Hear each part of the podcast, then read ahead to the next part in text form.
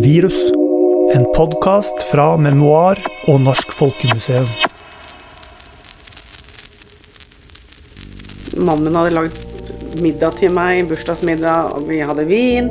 Og den vinen smakte bare garvesyre. Vi visste jo egentlig veldig lite om hva ville det her bety for uh, å, å, bli syk, da. I løpet av noen uker så var jo verden snudd på helt på hodet.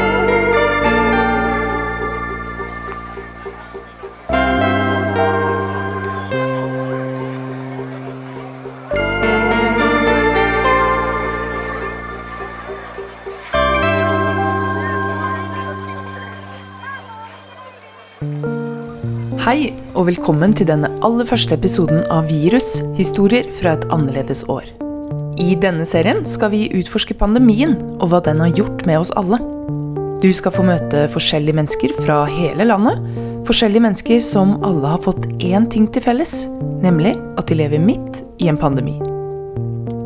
For anledningen har vi derfor bygget oss et lite studio i en gammel lafta trehytte her på Norsk Folkemuseum på Bygdøy.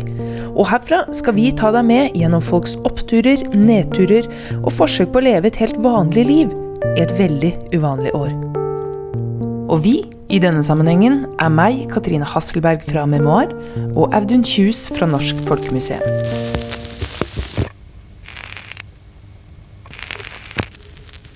Men før vi hopper inn i historiene fra da koronaen kom til Norge, så kan det hende at ikke alle er klar over hva Memoir driver med, eller Norsk Folkemuseum for den saks skyld. For å forklare det, så vil jeg gjerne at du ser for deg en gammel fonograf. Du vet den som man kunne sveive på, og så spilte den av musikk. Det er en kjempegammel oppfinnelse. Men så ser du for deg at folk begynte å prate inni den, og gjøre opptak av sine egne og andres historier. Da har du fått et godt bilde av hva vi i Memoir driver med. For helt siden Thomas Edison fant opp denne fonografen på slutten av 1800-tallet, så har det dannet seg levende arkiver over hele verden. Og disse arkivene de inneholder historiene og stemmene til deg og meg. Altså vanlige folk som lever vanlige liv. Sånne historier og intervjuer samler vi i Memoar inn i Norge. Og det er de du kommer til å føre klipp fra i denne podkasten. Og så var det Norsk Folkemuseum. De har nok litt større arkiver enn oss, eh, men det kan kanskje du fortelle litt bedre om enn meg, Audun? Jo, vi har bygd opp et arkiv i da, over mer enn 70 år med sånne fortellinger om, om livet, sånn som folk har levd det. Og, og der har vi spurt folk da, om eh, stort og smått, om hverdag og fest, om livets forskjellige sider. Fordi at på museet så er vi jo veldig opptatt av det vanlige livets historie. Så Sånne ting som folk kanskje ikke tenker at det er så veldig historisk, eller kanskje kanskje ikke nødvendigvis eh, de tenker at det er så farlig. Så, er, så vi er veldig nysgjerrige på sånne, sånne vanlige ting. Da. Mm. Og det blir veldig mye brukt, den samlinga. For det er ikke ting som det er ikke alt, alt, mulig blir ikke bare automatisk tatt vare på. Liksom. Man er nødt til å samle på det for at det skal finnes. Uh, og nå skal vi da lage podkast sammen. Uh, har du lyst til å si litt om hvorfor vi skal gjøre det? Ja, for da, da denne pandemien kom, da, da så vi jo det at det vanlige livet ble veldig forandra. Um, og da, det var vi jo veldig interessert i. Altså, hva var det som hva, hva, var det som skjedde med dagliglivet til folk nå? Og så tenkte vi ja, men hvordan kommer dette til å bli i framtida? Kommer, kommer, dette bare til å gå over igjen, eller er det noe av det som skjer nå som også kommer til å være med oss videre framover? Så da satte vi i gang å samle på intervjuer, ba folk om å skrive til oss. Folk sendte oss fotoer. Og så har vi et nettsted som heter minner.no, som jeg har jobba med i noen år nå for å prøve å bygge opp. Og den, den, brukte vi også, da. Der lagde vi en sånn opprop, kan du si, der vi spurte folk om å svare på noen spørsmål, ganske åpne spørsmål, da, om, om hvordan livene deres var blitt nå i mars 2020. Det er jo ikke noe tvil om at uh, livene våre har endra seg ganske dramatisk. Uh, og det har vel du og, både, og jeg også merka i de intervjuene um, som jeg har gjort, og som jeg kommer til å fortsette å gjøre. Og det er jo En av de historiene som går igjen, er jo at veldig mange har en historie om når koronaen begynte, på en måte, for de. Kan du uh, fortelle litt om det, hva som skjedde her på Folkemuseet da pandemien ble et faktum? Um, ja. For da hadde vi, jeg jeg jobba jo med dette minner.no for å gjøre det, gjøre oss flinkere til å kunne be folk om å sende historier fra sitt eget liv, sånn at museet kunne ta vare på det. Um, og da den pandemien kom, så var det fort ganske klart at dette måtte vi bruke i denne sammenhengen. Da. Så da satte vi i gang og uh, Uka etter at Norge stengte, så var vi i gang med å, å bruke dette nettstedet til å samle. Men samtidig da, så ble jo museet også rammet av den her nedstengingen. For museet er jo avhengig av at det kommer publikum. Mm. Um, og da Norge ble stengt, og man visste ikke hvordan dette kom til å gå, og man visste ikke hvordan erstatninger man kom til å få av staten og sånn, da regna man på at uh, museet kom til å tape minst 30 millioner i løpet av dette året hvis pandemien varte hele året. Ja. Så da, da, måtte, da, fant man ut at man måtte bruke den muligheten som man hadde fått til å permittere folk. Da. Og alle ansatte på Norsk Folkemuseum, unntatt uh, sjefene, ble permittert 50 Uh, og det passa jo egentlig innmari dårlig for meg, som hadde begynt med det her innsamlingsarbeidet. Da hadde jeg jobba sikkert 150 uka før. Så skulle jeg liksom fortsette med dette her på, på 50 Men eh, det skjønte heldigvis sjefene, da, at det gikk jo ikke. Så jeg ble kalt tilbake igjen til jobb. Og så holdt jeg på med å samle inn ting da gjennom minner. Og så har folk skrevet, jeg har fått folk til å skrive dagbok. Og en del av dem som har skrevet dagbok, har jeg også intervjua, enten med nettintervjuer først, men også en del sånn ansikt til ansikt etter hvert som det begynte å åpnes opp igjen da, i juni. Ja, på mange måter så var vi jo kanskje litt uh, heldige begge to, som fikk uh, nesten mer jobb uh, av den pandemien. Det ble viktig for oss begge å begynne å, å dokumentere hvordan det her påvirka Norge og dagliglivet og, og hverdagslivet vårt også. Men det er jo langt ifra alle bransjer som har fått mer å gjøre av, eh, av koronapandemien. Du har jo snakka med Birgit Schmidinger f.eks. Uh, hun jobba jo i reiselivsbransjen da Norge stengte. Kan du fortelle meg litt om Birgit? Hvem er hun? Birgit hun er vokst opp på Sunnmøre. Hun jobber i Oslo som tekstforfatter i et reisebyrå. Og sånn som du sier, da, så, så lever hun da av å selge reiser.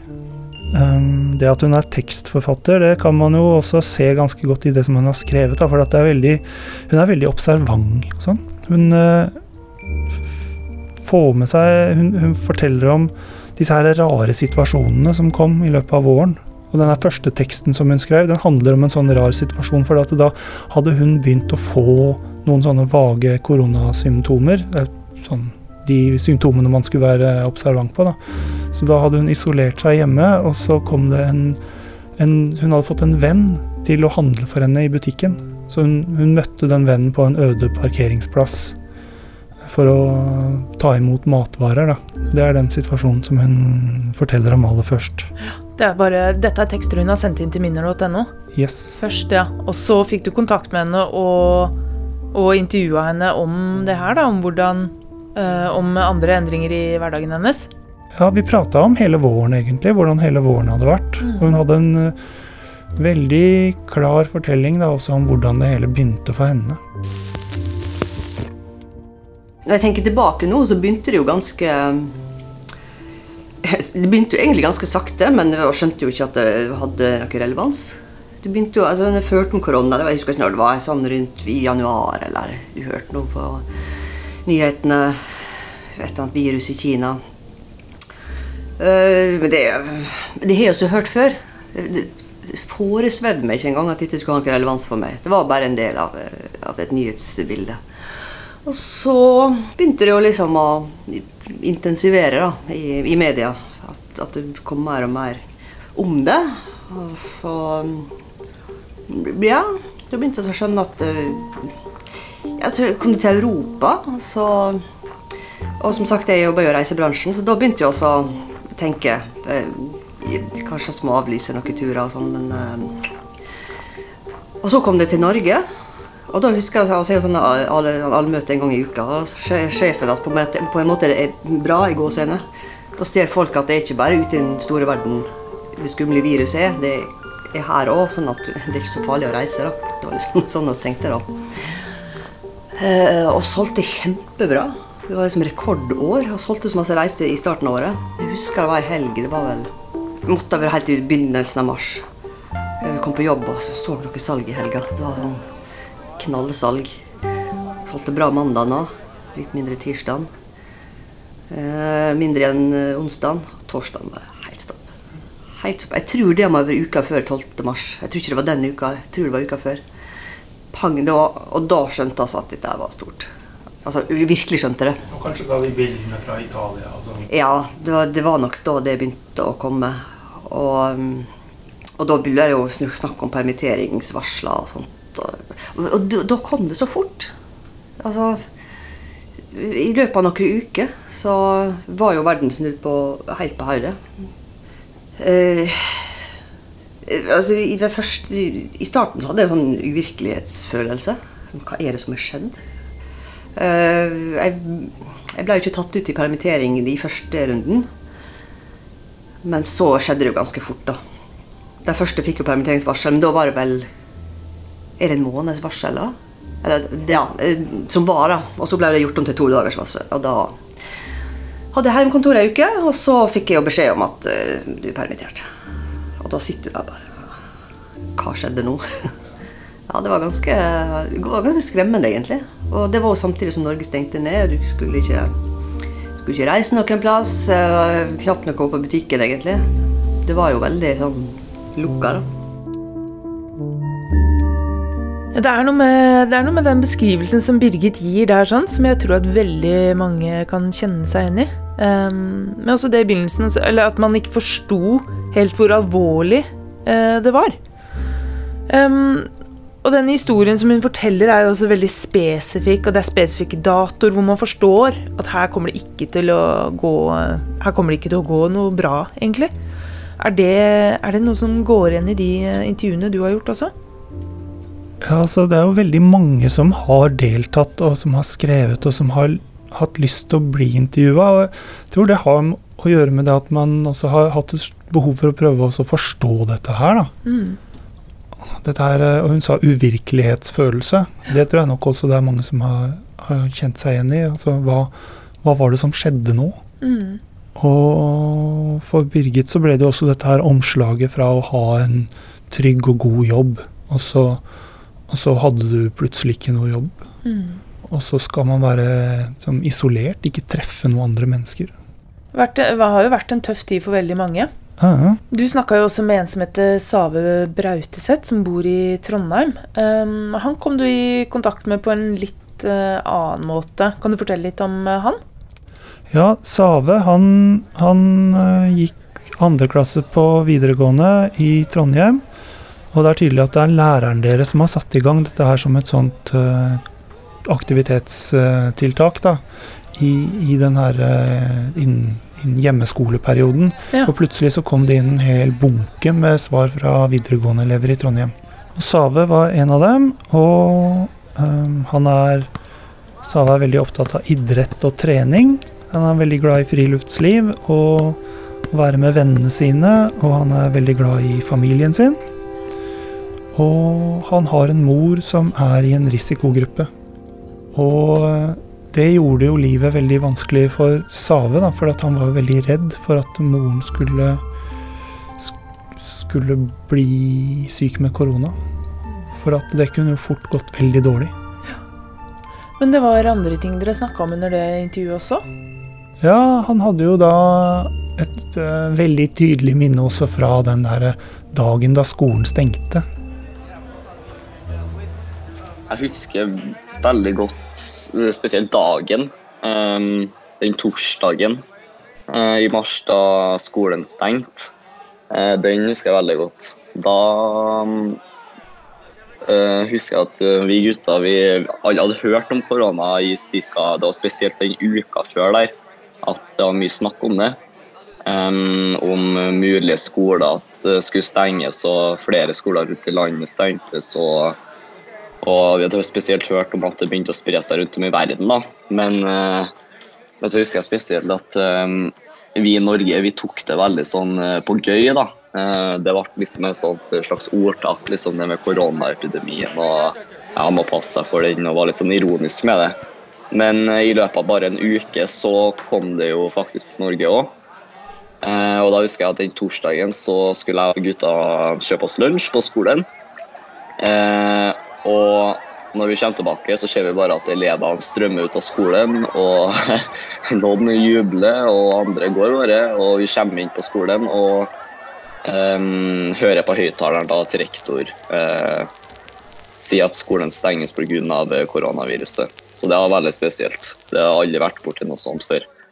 Uh, så da var hele skolen tømt på sikkert en halvtime, og alle måtte ta med bøkene sine hjem og forberede seg på, på isolasjon hjemme og hjemmeundervisning. da.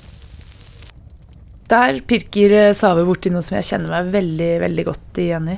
Den der mangelen på forståelsen for uh, både hvor alvorlig det var, og for hvilke konsekvenser det skulle få for samfunnet vårt. Det øyeblikket på en måte, hvor vi skjønner at nå, nå endrer jo alt seg. For meg så kom jo det Jeg var jo i Vietnam når, viruset, nei, når pandemien uh, begynte, så jeg var jo der til utemars. Jeg skjønte ikke ikke i det hele tatt hvor alvorlig dette var, selv om jeg da befant meg i et land som faktisk eh, stengte skoler og stengte grensen eh, til Kina veldig raskt. Jeg lurer på om ikke det var allerede i januar at de bare stengte hele landet. Og så fikk jeg noen meldinger hjemmefra i Norge, og, og så var det akkurat som at det gikk meg helt hus forbi, helt til jeg plutselig fikk en mail fra ambassaden hvor det sto at uh, statsministeren i Vietnam har bestemt seg for å stenge alle flyplasser, så det ble slutt på all internasjonal flyvning inn og ut av landet i ubestemt tid fremover. Og da skjønte jeg at nå Nå er jeg nødt til å bare prøve å komme meg ut herfra. Og det tok meg jo tok meg seks dager å komme meg ut av det landet, fordi de har jo stengt all internasjonal flytrafikk. Det var jo ikke mulig å komme seg på et fly til et annet land. Det var ikke lov til mellomlande noe sted engang. Og det, det, tror jeg er noe som har gått igjen hos veldig mange òg, da. Den der følelsen av viruset var litt sånn Selv om det var en sånn uh, rolig opptakt, så var det så plutselig. Ja, og, og det derre ja, At det først var noe sånn litt fjernt, da, noe som ikke angår oss egentlig. Noe som fins i avisene, men kanskje ikke helt i virkeligheten. Mm. Og så kommer dette her omslaget, da, og det det er det spennende å høre om, syns jeg. Mm. Hvordan det er kommet inn i forskjellige menneskers liv. Ja, for du har vel snakka med flere hvor, med, hvor, som har hatt en historie med akkurat et sånt anslag. Regine Arnfinsen er vel en av de? Ja, Regine Arnfinsen. Hun er selvstendig næringsdrivende. Driver med import og eksport, mm. bl.a. fra Kina. Ja. Uh, hun er også veldig aktivt med i lokalmiljøet på Lillestrøm. Og uh, i den fortellingen hennes som kommer nå, da får vi oppleve hvordan koronaen plutselig viser ansiktet sitt i den lokale teateroppsetningen på Lillestrøm, der hun hjelper til for datteren sin.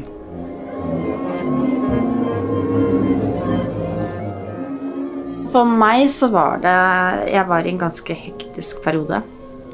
Eh, litt fordi eh, vi drev med et teateroppsett eh, for dattera mi.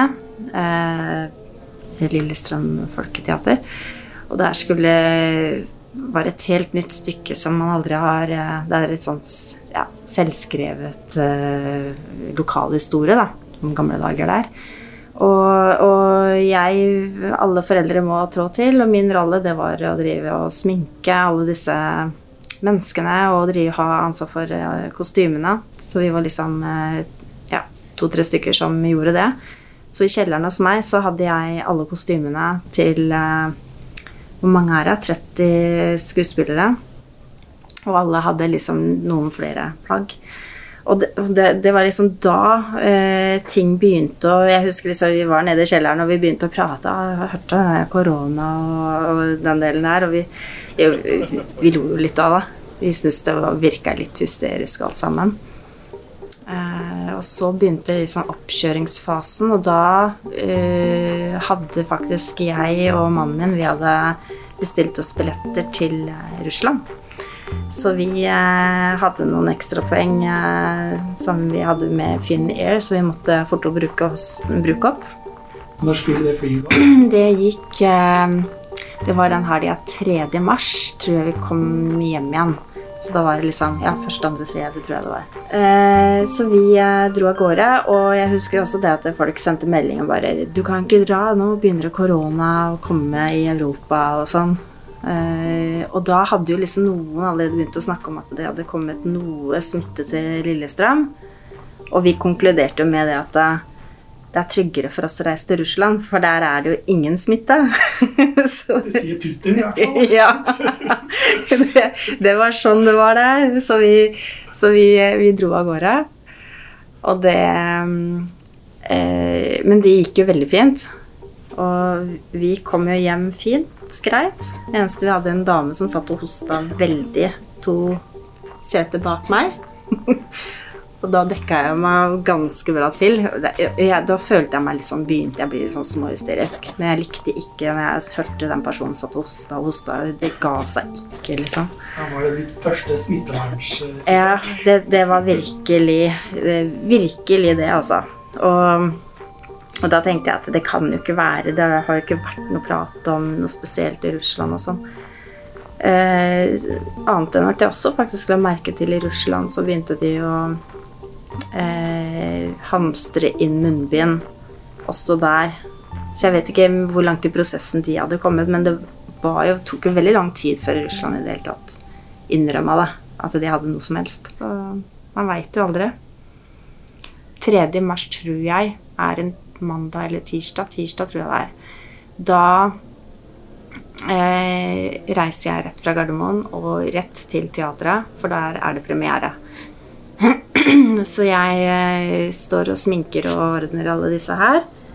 Og, og nok en gang, vi hadde også ordna veldig mye. Vi var nøye med hygiene allerede da. Eh, så der hadde vi liksom ordna med Vi bruker sminkekoster én gang og skal egentlig sprites og sånn.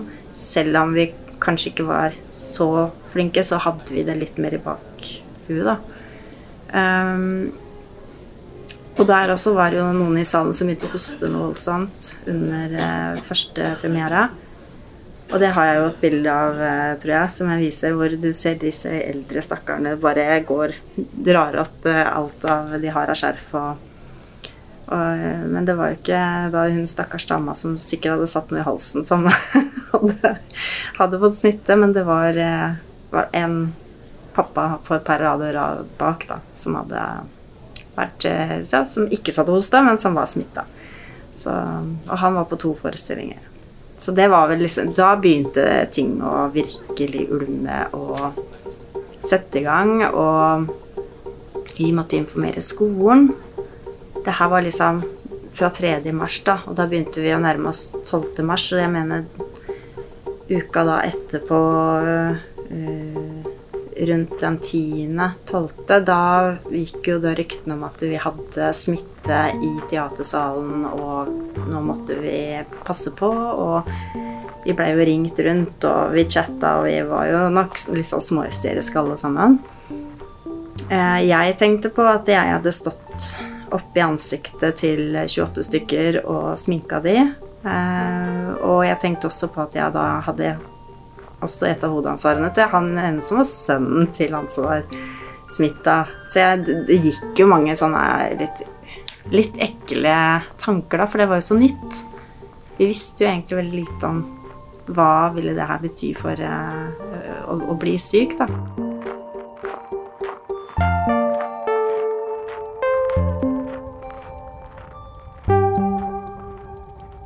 Ja, det, det var jo akkurat sånn det var også i begynnelsen. Som Regine sier, den usikkerheten. Det er sånn den hvor, hva, hvor syk blir man? Hvem er det egentlig som blir syk? Vi visste jo ingenting. Vi visste jo ikke hvordan smitten ble spredd.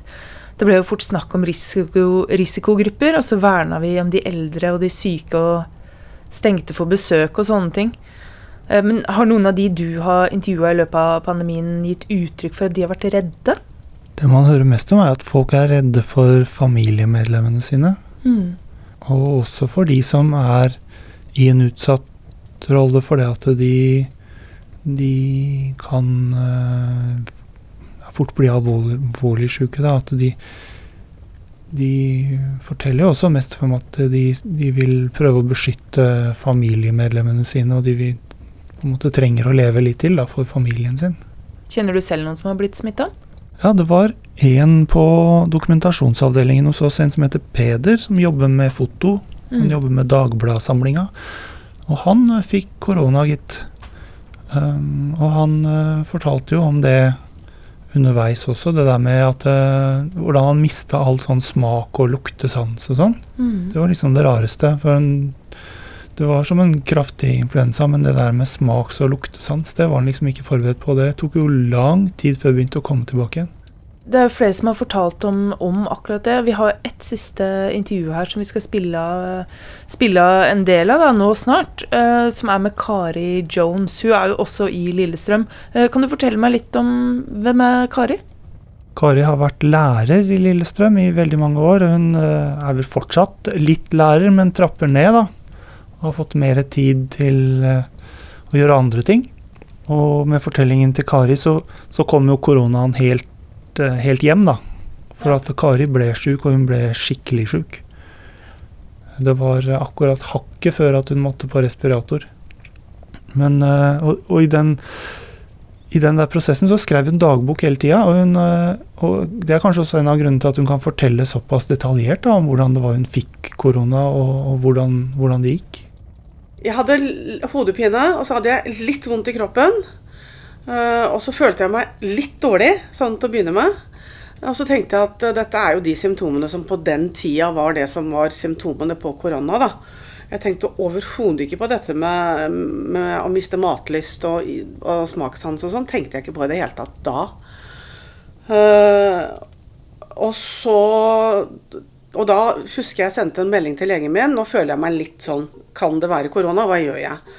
Og da fikk jeg beskjed om at uh, du må holde deg hjemme, holde deg i isolasjon. Hvis du får pusteproblemer, så må du ringe til legen.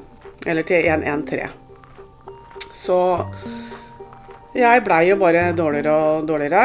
Og begynte jo å skjønne Eller det var vel egentlig venner, som, for jeg snakka med dem på telefon og sånn. Og, og, og familien som liksom skjønte at eh, her var jeg mye dårligere enn det jeg skjønte at jeg var sjøl. Så gikk det en uke, og så tenkte jeg at nå puster jeg såpass dårlig. Da, jeg, da sov jeg, da hadde jeg høy feber. Jeg bare lå og sov hele dagen. Hosta og hosta. Uh, og så ringte jeg til legen, og da hun hørte meg da, så skjønte hun at jeg var dårlig. Da var det ned på koronarommet på Lillestrøm, eh, på helsebygget der. Eh, og der var det folk som var i fullt verneutstyr. Det var helt uvirkelig, egentlig. De kommer liksom inn og blir et svært rom.